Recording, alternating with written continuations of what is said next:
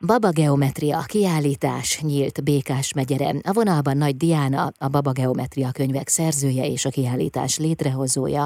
Szervusz, szeretettel köszöntelek! Szia, szeretettel köszöntöm a hallgatókat! Áruld el, hogy mit jelent az, hogy Baba Geometria? Mit kell ez alatt érteni? A Baba Geometria tulajdonképpen úgy született, hogy én már foglalkoztam a fekete-fehér játékokkal, baba holmik készítésével az egyetemi évek alatt, és Mészáros János, a Kétegér könyvek kiadó szerkesztője, meglátta ezeket a munkáimat, és megkeresett, hogy csináljunk fekete-fehér könyvet babáknak. Én nekem ez már régi nagy vágyam volt, és akkor gondoltam, hogy nagyon szuper, itt összeérnek a szálak, vágjunk bele.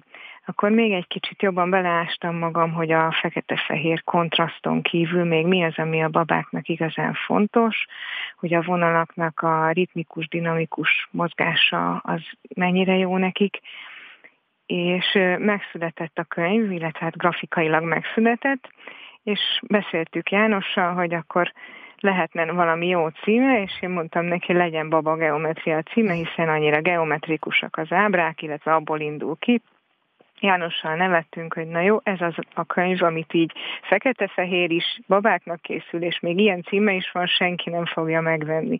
Úgyhogy így született ez a szó, és így lett belőle egy könyvsorozat, mert szerencsére megvették, és azóta is nagyon sikeres. Ez tehát nem jött be, hogy senki nem fogja megvenni, hanem épp nem az ellenkezője. Hál' Istennek, igen. Áruld el, hogy a baba geometria a könyvekben látható kontrasztos alakzatok, formák, minták hogyan segítik a babák fejlődését? Egyrészt a kontrasztos ábrák azok ugye nagyon segítik az éleslátás kialakulását, hogy minél jobban tudjon a baba fókuszálni, hiszen az első időkben még csak ezekre a legnagyobb kontrasztokra tud fókuszálni, és a, ezeknek a vonalaknak, meg a formáknak a, a ritmikus változása, az pedig a szemnek a mozgáskövető funkciójának a fejlődését segíti, ami egyébként később az olvasáshoz, vagy például ha elhalad előttünk egy biciklis, akkor annak a követéséhez segítség. És hogyan reagálnak a babák ezekre a mintákra, formákra? Nagyon érdekes egyébként látni, rengeteg képet kapok. Idegen, teljesen idegen babákról, olyan csodálatos, és mindig ilyen nagy boldogan küldik a szülők, hogy nézzem, hogy a legfiatalabb olvasóm éppen hogyan örül, fókuszál, látszik, hogy nagyra nyitja a szemét, mosolyog, nagyon sokat segít egyébként a babánknak a mozgásfejlődésében is, ami eredetileg nem is gondoltunk rá, de hogy például motiváltak, hogy hason kitartsák magukat, hogyha eléjük van rakva a könyv, mert azt ugye nézik. Úgyhogy egy nagyon pozitív dolog az egész könyvsorozat a számomra leköti a babákat, ugye? Tehát addig is az édesanyja, hát úgy félsz, mondjuk az ember szeme mindig ott van a gyerekén, Persze, mindig ott van, meg, meg azért gyereke is válogatja, de alapvetően igen, mindenki erről számol be, hogy, hogy elég nagy sírásokat is el lehet folytani a könyvnézegetésével. A Békás megyeri könyvtárban egészen december közepéig látható ez a különleges kiállítás, amely egyébként a szülőknek és a babáknak egyaránt szól.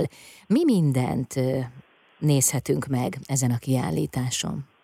Annyit helyesbítenék, hogy maradhat a kiállítás végül január közepéig, sőt január 14-én lesz egy ilyen olvasó találkozó. Nagyszerű, vagy meg, tehát meghosszabbítottátok. Igen, igen, meghosszabbították. Itt is egyrészt a könyvek anyagából készült a kiállítás, másrészt ilyen háromdimenziós papír állatokat, jeleneteket alkottam. Ezt egyébként még egy kicsivel korábban, mint ahogy a könyvek elkészültek, és akkor ezen a kiállításon ezeket is sikerült bemutatni. Ez is azért nagyon jó, mert már kicsikortól el lehet kezdeni azt a kulturális nevelést, hogy akkor valahova elmegyünk, valamit megtekintünk, és ez izgalmas és jó. Uh-huh. És milyen élményt lehet hazavinni majd erről a kiállításról? Ezt nekem nehéz megmondani így alkotóként, de azt remélem, hogy egy olyan élményt, hogy ez mennyire jó volt, és megyünk máskor is. És számodra lesz folytatás illusztrátorként?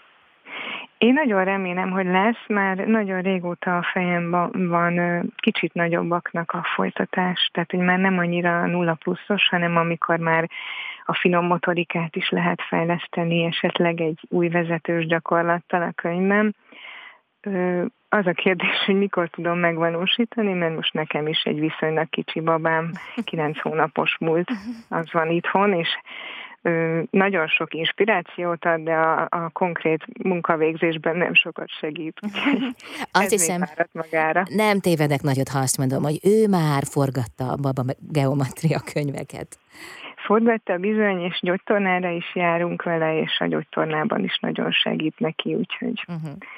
Most, most személyesen is meg tudtam tapasztalni, mert a, a nagyobb gyerekeimnél sajnos pont úgy volt, hogy már a legkisebb is egy éves volt, mire az első könyv megjelent, úgyhogy akkor ezt nem átmódommal így kipróbálni itthon, de most nagyon jó látni.